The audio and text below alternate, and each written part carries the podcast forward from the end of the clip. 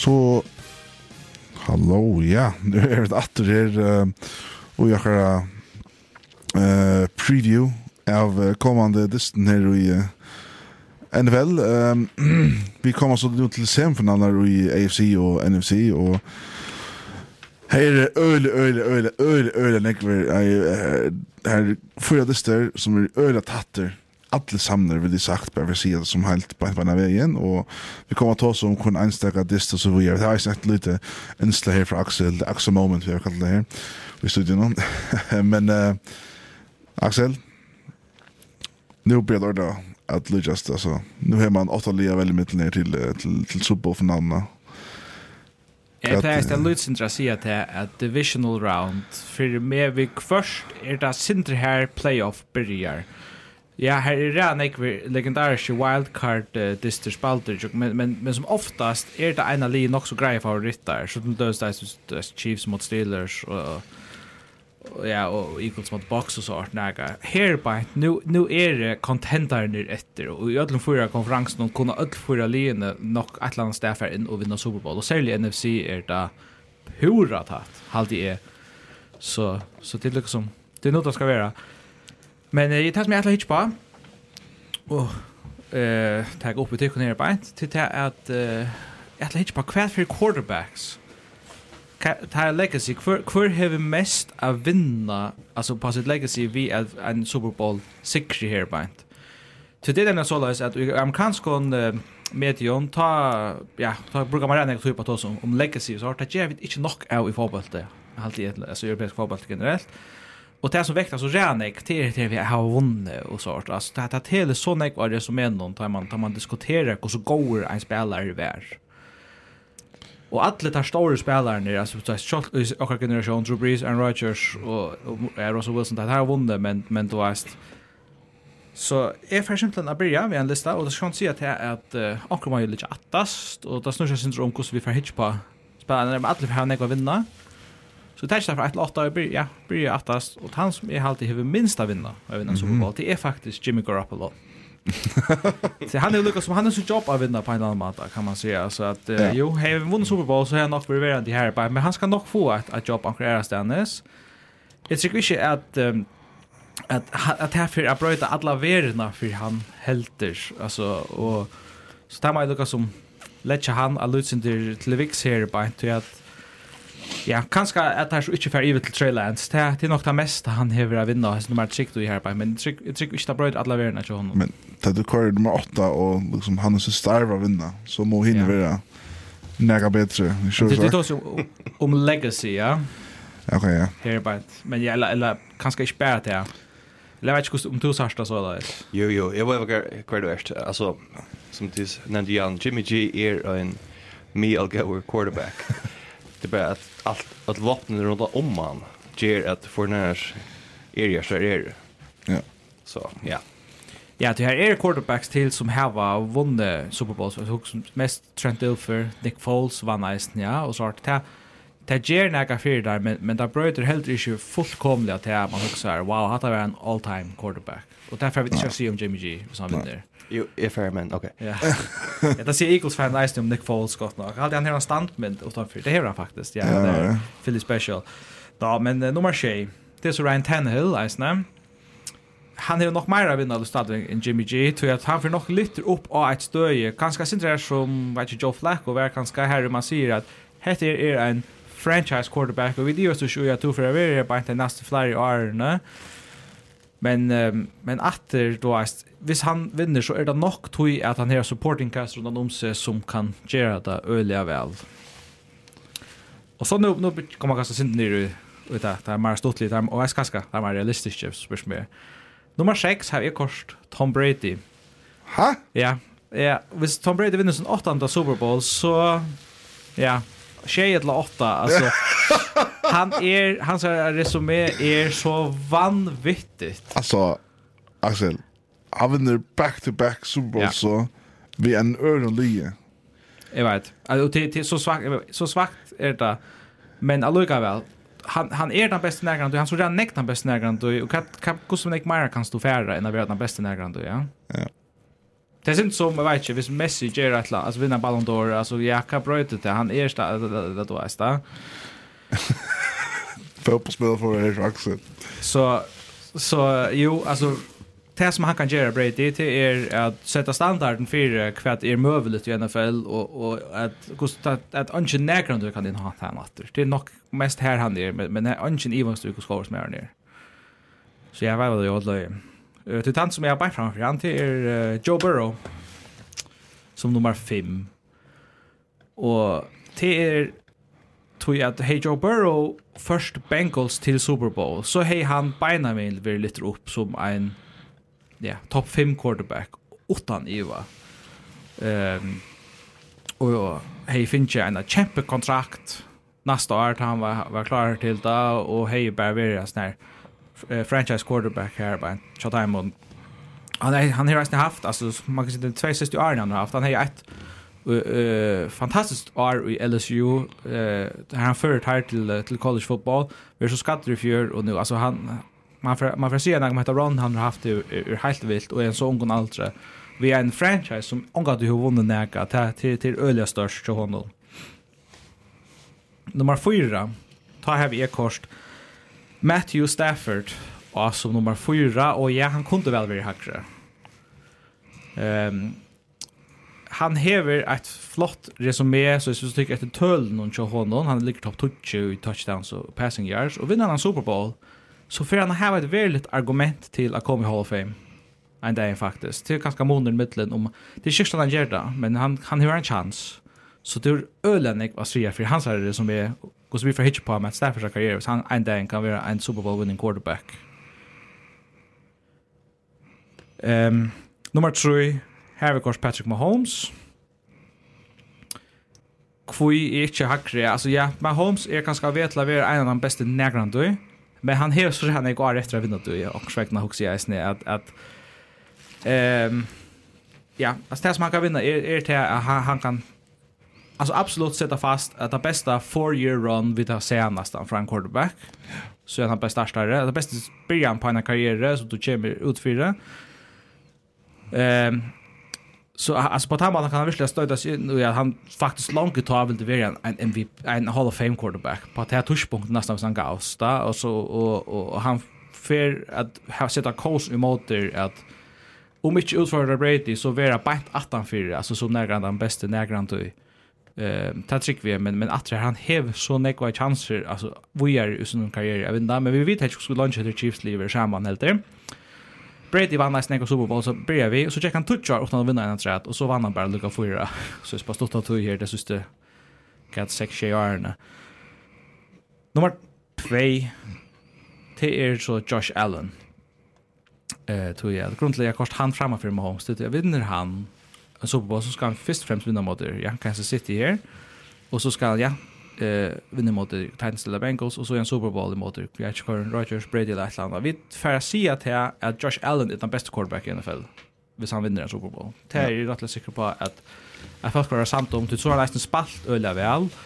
Så han får väl lite upp av ett status här man ser ja, best quarterback i NFL och och kan sett liksom cementera sig i på att vara en sån generational uh, spelare och och ganska utfordra Mahomes Eisen så istället den alltså hur skulle vi söka där den, den nästa år Vi ska inte spela vi alltså vinna Bills Super Det är det, det är det. Men ta med som hör mest av vinna och i hade inte några evigvis nere i munnen till Aaron Rodgers. Han, hans karriär börjar att komma ett eller annat Är vil han inte vinner Super Bowl enn Rodgers. Eller hvis han ju alt for han ikke ut och spela väl hver en enda dist, alltså för ut en dist han ikke spiller så för jag hade nog snägg minne om han etter tror til att han hever han för han feila nekva för i playoffs. Halt är ju ut för han hever. Det særlig er conference championship disten der här och han har haft chansen att lukka där. Inte just da. har spalt illa några fernar och att att han en så talentfull med bara ena för ska ha vi Super Bowl. Ha en Super Bowl titel kom ta vi så här tar vi det inte gott och spårningen är om shit är alltså så sista bästa chanser. Ta vidare vid det. Vi vill ska för Jana Star. Mm. Jag hade att det faktiskt Ranek det direkt att nek press av mannen till affär att vinna eh hesfär. Det här har vi så tatt på flyer fair. Och hvis det ikke det, så, så, er det, så er det faktisk direkte kritisabelt och därför är Marsh hans karriär och ja för mig för han så nog att Lucas det inte mer Peyton Manning än när jag du Peyton Manning var en fantastisk regular season quarterback men he he inte go en alltså en goa karriär i i playoffs eller i postseason. Och det som faktiskt bjärgar hennes inte det var sån här Super Bowl som man shot var spelade väl här mot Panthers. Så helt att just alltså inte för hans alltså legacy men men Rodgers Sandberg kommer stäva en Super Bowl så är det inte gott nog för han. Så det här är min lust, jag vet inte vad jag säga. Jeg kan gott være en i nekvunne aspekten der, og jeg er bara enig att ved at Aaron Rodgers var meget eisen show. Ja, kanskje Mahomes med tre, men allikevel. Det er, det er alldeles allikevel, og jeg har alltid det här. Jeg feit lyst til å gjøre det här och ska ta jeg kunne sende sms'en och se så gjerne mening hvis bara er 500 1905 etter man kanskje si at för det gittingar och tar för det tarfredisner är det Titans, Bengals, uh, Packers, 49ers Buccaneers versus Rams og Chiefs versus Bills. Uh, vi tar det bare etter som det fører spalter. Uh, playoffs, division round her, blir lærdagen. Ja. Klokkan uh, 1.30, og det er faktisk en god dyster uh, hitjetter. Jeg tror man sjøver at Jimmer Spirips også er lærdagen, men um, hans fyrst fyrir i 1.30 år at Stanley Beckons har vunnet en playoff game, og er kommet i division round. I behøver, um, um, uh, vi hava ett super, super, um, ska man säga det, wildcard i just det här. Det är nämligen att här att där kan ni kemrat. Yes. Kvärt hevet här säga för distan. Det är inte lika som bara, alltså, crop of the cream alltså akaken alltså jag har du redan redan jag vad säger för distan eh ja men han kommer att spela att vi där vet men vi vita inte en hur så effektiv han för att vara och första distar i några månader vi en sån sån fot brott i foten han blev opererad av resten ja. Er han bara näka tatt på så i toppnivå så är er det här räddare inte att stäcka till han det är så dominerande um, ur en spel någon och Ryan Tannehill då så är väl att spela av av play action och brukar som spelare som AJ Brown eh säljan att att det är redan det vad ser för där. Till åttan Derrick Henry så halt inte att heter här Titans allop är klarar att att fylla vi ehm ta ta tempo eller ta stöje som som Bengals har sett senast nu. Så ja, jag är väldigt spänd att jag Joe Burrow, vi ska vi helt han form tja ser eller eller kvar det är bara så nästa playoff uh, dister. Ehm um, och han hever han har några strange spel på. Jag kunde kanske förstå mer att det runda bollen att lösa Mira vi vi vi mixar och det finns det fungerar som som som säger så så rycker det nog så till moderators. Ehm um, få där det är mer balanserat allop så Joe Tyson neck för Mira plus till tire och och likla spelaren vi kanske kan spela till Epa Jamar Chase och och och bara bruka han och alltså också så lunch där Joe Mining att bli kastad till han så halt är att han ska göra det. Och så sjön det är då att att för evigt till hina spelaren som han häver. Till det som är det att Titans har inte särskilt goda cornerbacks alltså synligt så Ives nog snägg och att här klarar filtra vi alltså Chase och Boyd och Higgins. Så det ganska sitter här. Det är som en liten matchup Ja, men uh, vi mixar och så är Nu spelar mot Titans, men nästan det här är second i NFL för rushing yards allowed. Ja. Det här är öliga och rush defense. Och tar pass defense är 25. 25. 25 i NFL. Ja. Så so, den där bollen mot Titans, det kan vara sån så läs. Men det kan viska om Titans kanske täcka en linjeman och, och, här är en safety kanske här. I möter just ner uh, triple threat tja, tja, tja, tja Bengals och det ger ganska plåst mixen det skal ikke være det. Skjønte du? Jo, det hadde jeg eisne, altså, og jeg hadde ikke Titans heve verjena til at at jeg stekka det Bengals all oppe hvis, hvis det her køyra vel. Så Nei. mot her eisne fyllt vi i, i de offensiva ångsvekna, så ja. må virkelig gjøre sin parst hvis ikke at, at all oppe tja Titans køyra så vel som vi tar seg der just i ja. perioden av Kappengaren. Det som er hvis du ikke heter passing yard, og rushing yards allowed, så er det Titans uh, second i rushing yards allowed, og Bengals er fifth. Ja. Det er på, på bad vi har øyelig godt rush defense, som, som, fa, som fel færre for vørt Bengals. Til Det er nu at rush rusher som ikke sannes ned. Og jeg vet så så gå rush defense i mellom Derrick Henry kanskje, ganske, ganske ganske kunne lukka vel, hvis han er i toppform. Men passing yards er det bare line nummer 25, nummer 26. Ja. Yeah. Jo, jo, og tog må begge oss nok for å renne bølt mer enn det kanskje enn det gjør senest.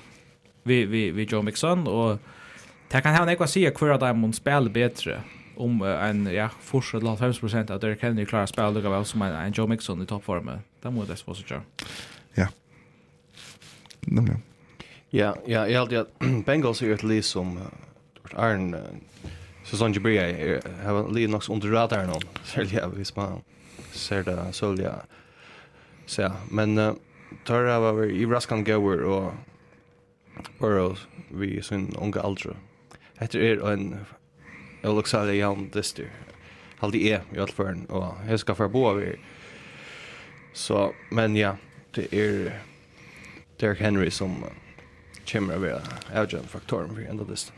Ja, og det som er det der Titans her var faktisk en rettelig god offensiv linje eh Nick Wasser ska spela här Taylor Lewan och Questenberry och alltså attack goals. Eh vi tar ordla vinna line of scrimmage så så har det nog stor fire mot her, men jeg halte faktisk at Bengals uh, alltså defensiva linja spelade öle vel i moderator. særlig her, Trey Hendrickson kan han bjóa av i moderator Taylor Loan Altså, han är et strip sackar just veckan som har vittlat at at at att han momentum långt i början Det var faktisk nok så avhåverst at jeg tykker heima hytja etter gosse vel, altså hver, hver vinner simpelthen her, altså in the trenches, altså, uh, altså offensive linjen til Titans mot defensive linjen til Bengals. Det er kanskje sin sånn und undervurdera matchup hytja etter hvis man ikke bare hytja etter man flotte førerne og åttarsøyene. Ja, det er det. Det er prøvd sånn, tror jeg. Det er sånn at det akna fjerne akkurat i landet her, men kvært vi skulle tippe seg for ikke, Ja, ja. Titans uh, Bengals vi tar just akkurat så gör det men vi måste se det live här och kan tippa dit där uh, BRV Axel bara. Jag tippar att att Bengals kommer att vinna den där stunden. Men den kanske nog är sin högst skora det det tycker vi väl på. Det ja. hopp ju va. Och är fair att se och ska jag se Bengals öst. Det är. Och jag ska se om det var han som uh, Maveren som heier Derek Henry til en vik armle skatter i fancy. Og han kommer etter, og han fullstendig av bulldozer. Og Titans vinner nesten kommer fra han. Nå har jeg haft bye week og en pause. Ja. Så. Hva er vel til å møte? Og i nå conference championship hvis det kommer her til. Titans. Du har helt møte Titans. Ja. De er bench for Bengals. Ja, det er det. Til det. Jeg vinner senest. Jeg sier ikke mer. Ja, ja, ja.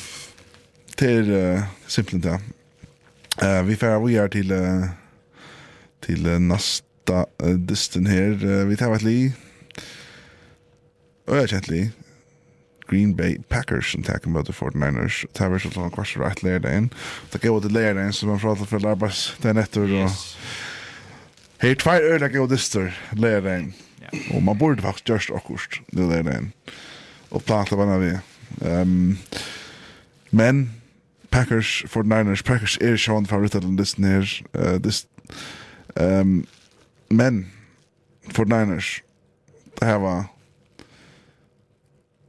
topp 5 defense och topp 5 offense i ligan, ja? Och topp 2 man i Bavon. Som det enaste li efter i playoffs. Axel, Disney är verran så tattar som vi vantar verran. Ettla verda bara ett Packers uh, show-off. Jeg halte faktisk at det er en utrolig avhåret dist. Altså, du skal lukka å si at bookmakeren her var på Packers handicap minus 5,5, så tar med at Packers er sinter bedre. Det er en reelle ringe dist til ja, for den ene sjående. Jeg spiller på nummer 1 siden i Green Bay. Men 49ers hava faktisk en rettelig god søve. Vi måter Packers det siste årene. Altså, der spalte fyrre år, tar ja, 49ers ikke var så velgångt, og der presset der mega hardt. Altså, der kravde et... Uh, ett uh, flott uh, fjörd uh, alltså sekund efter klockan av gaming drive här typ där Rogers GTA.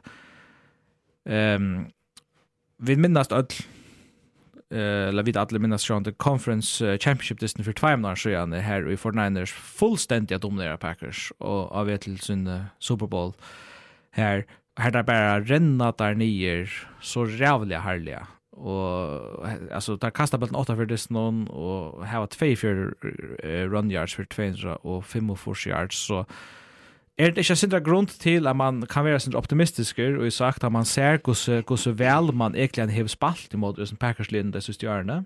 Jo, hva er det som skjer, tror jeg vi akkurat, men, men det var, jeg tar 13 sier måned, minns meg rett. Ja. Men ja, som, uh, som så for en så hvis vi færre sindra etter i søvnene, så er det så jeg ser at uh, Packers og 49ers har møtt åtta ferier i playoffs, og de har vunnet fyra ferier i parst. Mm. Så her, her var det 50-50. Men det som uh, nøyver ordla for Packers, særlig Aaron Rodgers, til det at han har møtt 49ers trudja for i playoffs, og han tappt alle trudja feriene. Det var at i uh, 2012 og 2013, og så nøytjan. Uh, säsongen. Ja, Colin, Colin Kaepernick inte av han uh, uh, Rodgers. Och så ösne så tagat att andra ösne till er att i 2005 att det var draft. Ta valt för Niners inte att ta Rodgers. Och ta Ja, Rodgers var er härifrån. Ja, han är från California. Han är från han var champion för Niners fan. Ja, ordentligt. John Montana fan. Tillsammans som vi Brady. Han är ösne härifrån. Från uh, vax upp vid uh, The Catch, til Joe Montana og alt det der. Så, um, nei, jeg, Rodgers, han, uh, hvis en nekker dyster som han vil vinna, så er det for Niners og i playoffs. Det sier så han jo fra. Kan helt du så er, er, er liklander til at 49ers fyrir ut og, og det som kan gjøre et oppsett her mot Packers? Det er at uh, få Nick Bosa og Fred Warner atter. Ja. Og Fred Warner har sagt, uh, hvis jeg citerer citerien så sier han good to go. Så, ja. så vem det blir det samme for Bosa. Og jeg vant til Bosa over atter. Det var, yeah. det var, det var en hjernerystelse. Det blir ikke å takke en av vike å komme fyrir seg, altså. Ja. Men det styr han minne sjolver, det var det langt laknar som skulle gjøre løyve til det. Men så er at hvordan står måned gjør det at arbeid for ut mot Cowboys. Ja, nemlig. Ja, og til at, ja, til at Packers har haft bye week tar Finch Quilla Quilla så och Rodgers kom sin fyra vi jag tror det var Tyne John som bytte. Och jag ser han. Där ser han ja. Och så att det är Det var alltså tre distrin av Reacha för när jag utvaldde. Det var med Rams och så nu var det i Dallas och nu skulle det Lambeau Field. Så, men av det samma så är det så uppgirar att tar det allt gångt och mot att vi så kvilte så så fick ganska åkt ävas ner fire eller så så visst du vet jag men vi att för när tar tar tar ju säger upp där. Ja och Packers har just det där var ju inte så viktigt att framåt Lions out Ja, det brukte Love och sen fyra. Ja, Roger på det center med ut, så tar tar slugga liksom heiter kan man säga. Ja. Men jag är också syndrom rennespel. Alltså kan man bara på några som helst måta replikera det som man gjorde senast mot Packers så så stämmer man väl för men men det snurrar några syndrom med det att för Niners skulle vinna line scrimmage och bara så igen att det snurrar. Star offensive linjen ska ordla upp och pressa ehm Packers och så så därför plus plats till rennespelet och att jag får en press av Jimmy Og hin vegin fra at Tyr kunne øye letja distan Aaron Rodgers, og til tog det så viktig at Nick Bosa er atter, at han er en fantastisk pass rusher, og der, var fantastisk til å pressa eh, Cowboys, og øye letja distan til dekka. Så jeg vil si at liksom, hans er fysiske spillerne av baunlinjen noen er nok, altså, Tyr som kunne fære den vinnende distan til dem. Ja, og jeg vil også suttja Jimmy Kittle bliva en større faktor atter. Mm. Nå tror jeg at for Disney her, han ikke vært det. Så hvis han ordentlig er veldig i Estland, ser man vi, Debo og Ayuk og Mitchell og så videre, så, så er det nekker jaunere distri enn nekker Jesus er færre. Jeg kan uh, bare løpe i av Packers Likland og løsjøtt. Den største Likland er jeg kjørt Packers, skjønne Disney, til jeg støkka Debo Samuel. Mm. Mæren er fullstendig out of this world løtene. Yeah. Og han ser ses sjåan som en, en running back i løtene. Han sier ikke han receiver. Det är snedigt att man skiftar posisjon, setter flere for fyrir, ikke det. Men Dibbe Samuel är, han kan göra allt løtene. Han, han, han dog dogant av ötlen. Och er quarterback. Och han er quarterback åpenbart. Men han gör allt. Packers, största lidkjent, alle shower till er stekka Dibbe Samuel, så är 49ers ikke nekka Sanchez spela på sig. at. Ja, och så Sean Dyson får sitta alla på köra väl och och Aaron Rodgers alltså ja, han ska spela väl och det är det viktigt att han får David Bakhtiari åter också jag snä. Han han får ju vi ska ge sig så där. Ja. För att att liksom välja han så så för han ska få pressan han får nek. Eh, tar tar han några strunch att spela på, men det syns stort lite lite tänka sig från sista distar spalte. Ta hej Aaron Rodgers, ta kasta han bulten helt ovanliga kött. Alltså han kastar en 2,54 Eh uh, vi hukte jag pro football focus. Chat time var det dans den uh, shortast alltså average time to throw. Tar näkna det mata och det fyller ju till i en 20 yard lock short. Alltså det är lika väl. Nog så vilt att på det så 20 yard hur anch quarterback vi shortar ju av det bullen han var här. Och det är short ut fyra inte out blue så pressar av oss ner. Eh Leon här bait. Ja, og snackar som i konger av Hail Marys, så er det nemlig Rodgers. Så Dak Prescott kom til Lars Dokker på. Men et annet vil tega vid lykka, det er at Kyle Shanahan og Matt LaFleur har en lenga forskning saman. Det var bare i, i Atlanta og i, i det var i Texans. Bare var arbeid sammen, så tar, tar kjennekonan inn ut og vi strategi og alt det der. Så det var, det var talvet der. Det var en fight i Sidgetter, og jeg gleder meg nækka vi jeg kveres. Og kjøper nækka Budweiser. Jeg var ikke lov å si det gang. Men, vi får han, we are is this... Jeg velger, jeg velger for Niners. Ja, jeg skal si det. Ja. Vel for Niners? Ja. Må jeg da? Må jeg da? Jeg var skrevet, nei, jeg, tror jeg Packers. Ja, det var resten Packers her, altså... Jeg vil... Har bare match-up er så godt for Niners jag hoppas för när det ska vi är för lättare med att fatta nej det är så så cocky alltså men jag tar Packers och för när det är men jag vet inte jag vet inte alltså men vi får börja lasta det ner och till er klockan åtta, söndagen Løgn tog jeg største, men til åtta søndagen så tek jeg Buccaneers i møte Rams enn en helt ekstremt større dyster. Altså, det er dyster nere fullstendig ladelig at det er så så jauner alle fyra. Er också inte inte att blåa det här. Jag har blåa det så inte kanske för mig till vissa vis Packers bara löpas där och för nästa försök för vi alltså men och till något annat då. Blåa det så inte behöver kan hända men men Rams det här Det så av halva Cardinals och det så ut som att vi har ordentligt funnits i samman här och Buccaneers kom in i listen här Ja, det har en sent av, av uh, kaos her i levende time og så videre, men jeg er med som kan få bratt på alt, så det er Tom Brady. Buccaneers minst tror jeg, dems. Rams. Ja, han er nok uh, likla leikaren i Vrøtlån, altså Tom Brady, og ja, til lengst igjen at man ser han skuffa i, i en playoff i Øtl før, men han skal, han skal ut og heter, henne Rams-verjan er hamrande størsk, det er jo virkelig, ja. Och han är synter stotter på på sunnar eh på på vapen kan man säga så är en Marcus Scotland för att skia, och Antonio Brown till kort från Linnon. Så det är Mike Evans och Gronkowski som skulle leverera vörerna och så är det den riktiga rollespelaren som Brady bara måste sätta sig ut all idag som vi tar sen gör så ofta i karriären. Men jag tänkte att kunna göra till att att att renna bulten och och, och liksom avlasta han på tandmatan och och Det här rikkar är nog så väl ehm ta emot uh, Eagles faktiskt alltid att runda bollen rättliga väl så som sucha om om om det ja det kan ju distans närmare och göra det mer balanserat så att att Brady har mer plus att kasta bollen nu.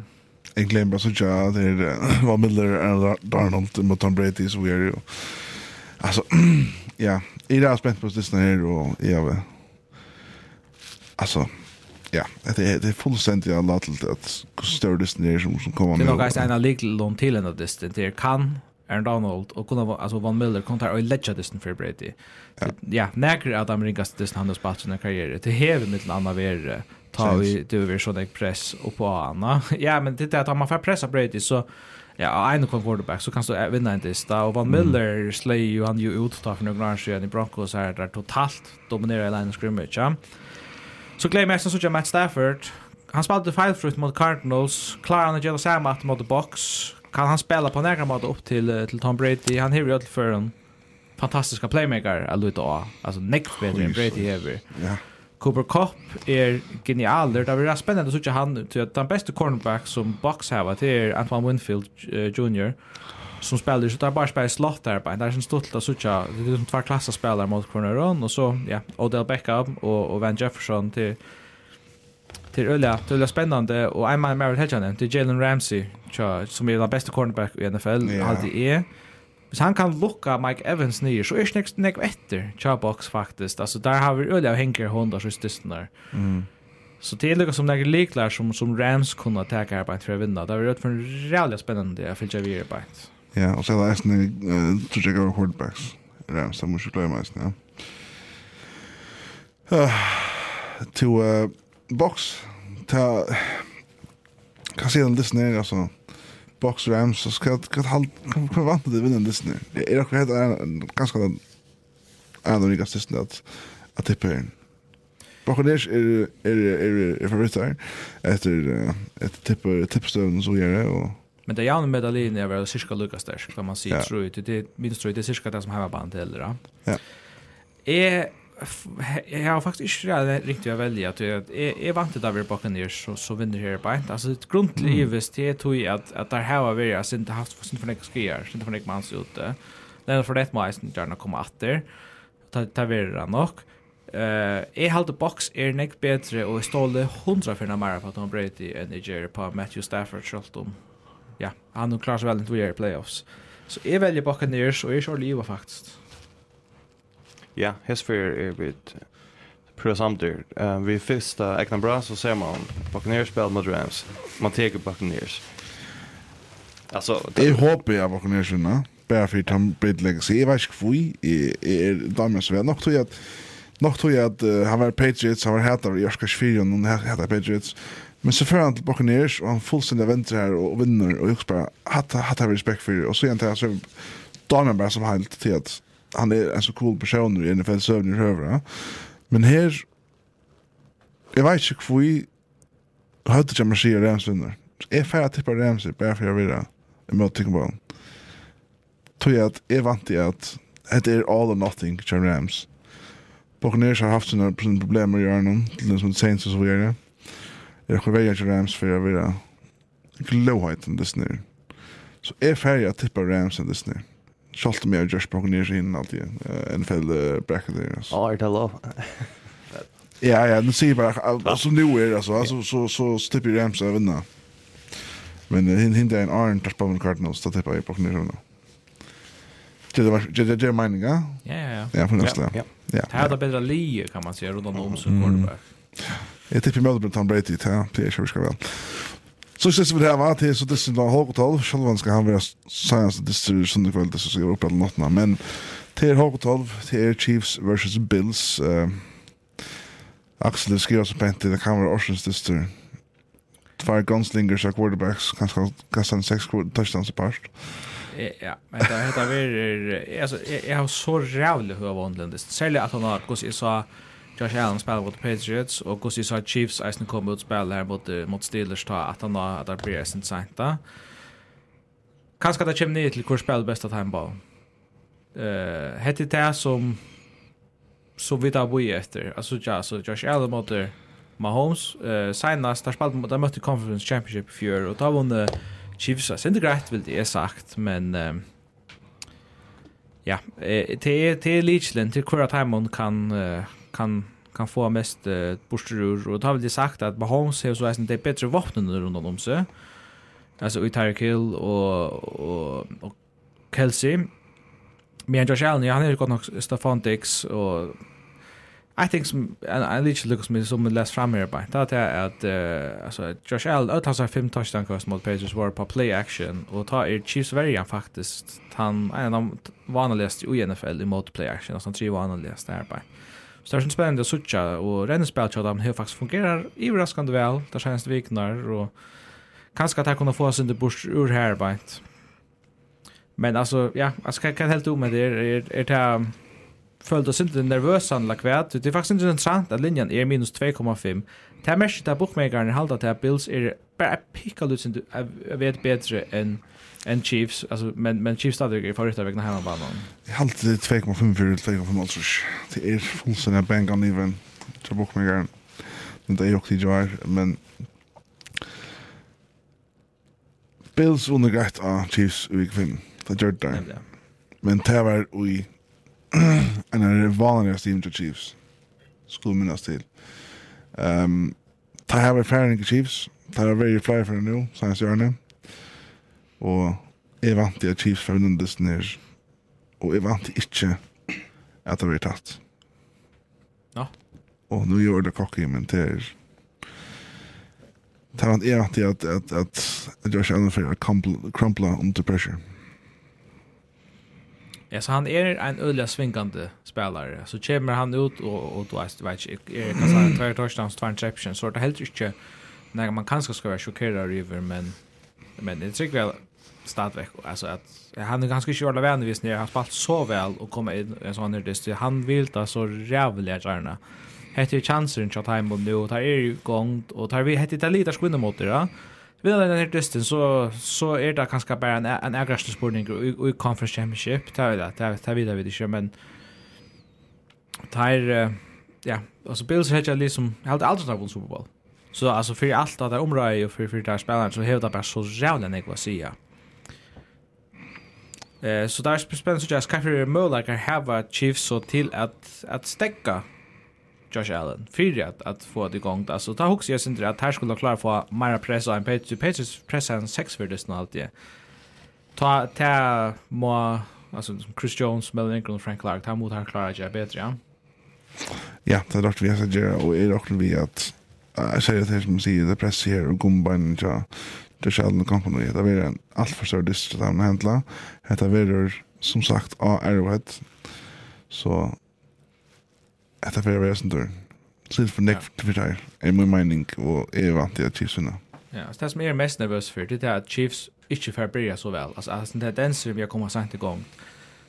Det er gonger bare ikke hvis, altså, hvis Bills slett seg 8, 14, eller 0, eller 21, tror jeg, eller et eller annet. Altså, det er, det må komme ut virkelig av en attityd om at vi skulle ut at skåra og at, altså, ja, bänka så han trodde jag vi får ut att bänka där vi skulle skulle fylla vi för början ja men jag kan säga att wild take här uh, Chiefs vinna tippa off och välja bollen få bollen score touchdown i open drive Josh Allen kastar interception och vi tar första där Ja, så väntar förstärkningen knappt igen. ja. Men det är sagt det först. Jeg, jeg velger Eisen Chiefs at score er faktisk, jeg ble litt overrasket over at altså, over-under-linjen var 5,5 stil og short arbeid. Altså, at jeg må ikke vant det var mer det. Jeg vant det var en ølhøgskående strabeilinjen rundt av 30 stil. Så jeg ja, jeg, jeg har faktisk, jeg har alltid Chiefs for å vise det noen, men det, det er øyeligende ja, et eller annet sted. Og jeg tror det var det var en fantastisk dyster. Altså, ikke færre sång som det kvalitet. Altså, sitt og hikker det snedresten og nedbeint, och så må du finne dagstid kom i jakt andra månaden dagen alltså klar har kontroll där där går grejen för i mitten också ju. Så heter här heter kan man nästan inte missa. Vi sa kad fantastiskt nu. Wow, ska ta det sen med det går. Tvärtom. Jag får ge det lugga va. Jag får ta bild sen där distan. Bara tog ich för jag följde sömnen och tvärtom ich tog det tog att I har alltid at Bills er uh, slept on, a going for Ørskån. I har alltid at Tara var under radaren, og Hetta ver upset og i playoffs. Det er, det er alltid. Så det er är sier Bills. Ja. Så med hetta distan jocken det reached det og, og takk at alle som lustar og og så vidare. Jeg har det litt at uh, Axela Nei, det hadde nok ikke et oppsett hvis Bills vinner. Det hadde jeg heller ikke. Hamrant. nei, nei. Nei, men ja, det vart. Men ja. Det Chiefs, det, det er Mahomes. Jag tycker vi är näst testen för Super Bowl. Ja, jag ser det bara nu att det finns testen blir högt touch lägre kväll där. Om onkel så vi nu huxar ganska kanske jag lägger kväll där. NFL, hickar på Youtube video Iron hickar och hon regler att finna några vem som eller vinkon som känner NFL och sätter och ser med folk och hittar det ner och och det som är så speciellt vid NFL här, det att till reklamer alltid i mitten så kan det gå som tossa och man kan gå som socialisera alla tojnar och, och det är så jävla speciellt. när man sitter med folk och hickar den fel. Alltså det shoulder så är det. Det är cheligt. Det sitter bara fullständigt bara fullständigt fokus att det ner och sitter och sappar telefonen med reklamar och så gör men men det är just lite samma vi. Det är just lite samma vi vi folk så gör det och några tar som och så bara fler lite där player och så sappar man efter och så gör det. Chips och dipp och och en hona. Lärkvalitet och sån kvalitet. Allt fra akkurat här i studion Tack för for vi sagt att komma in inn och og Aksel og Arnar Sani ut här. Och... ja, det är klart mig takk för det är vi ennast för. Men tusen tack för det, da ser vi.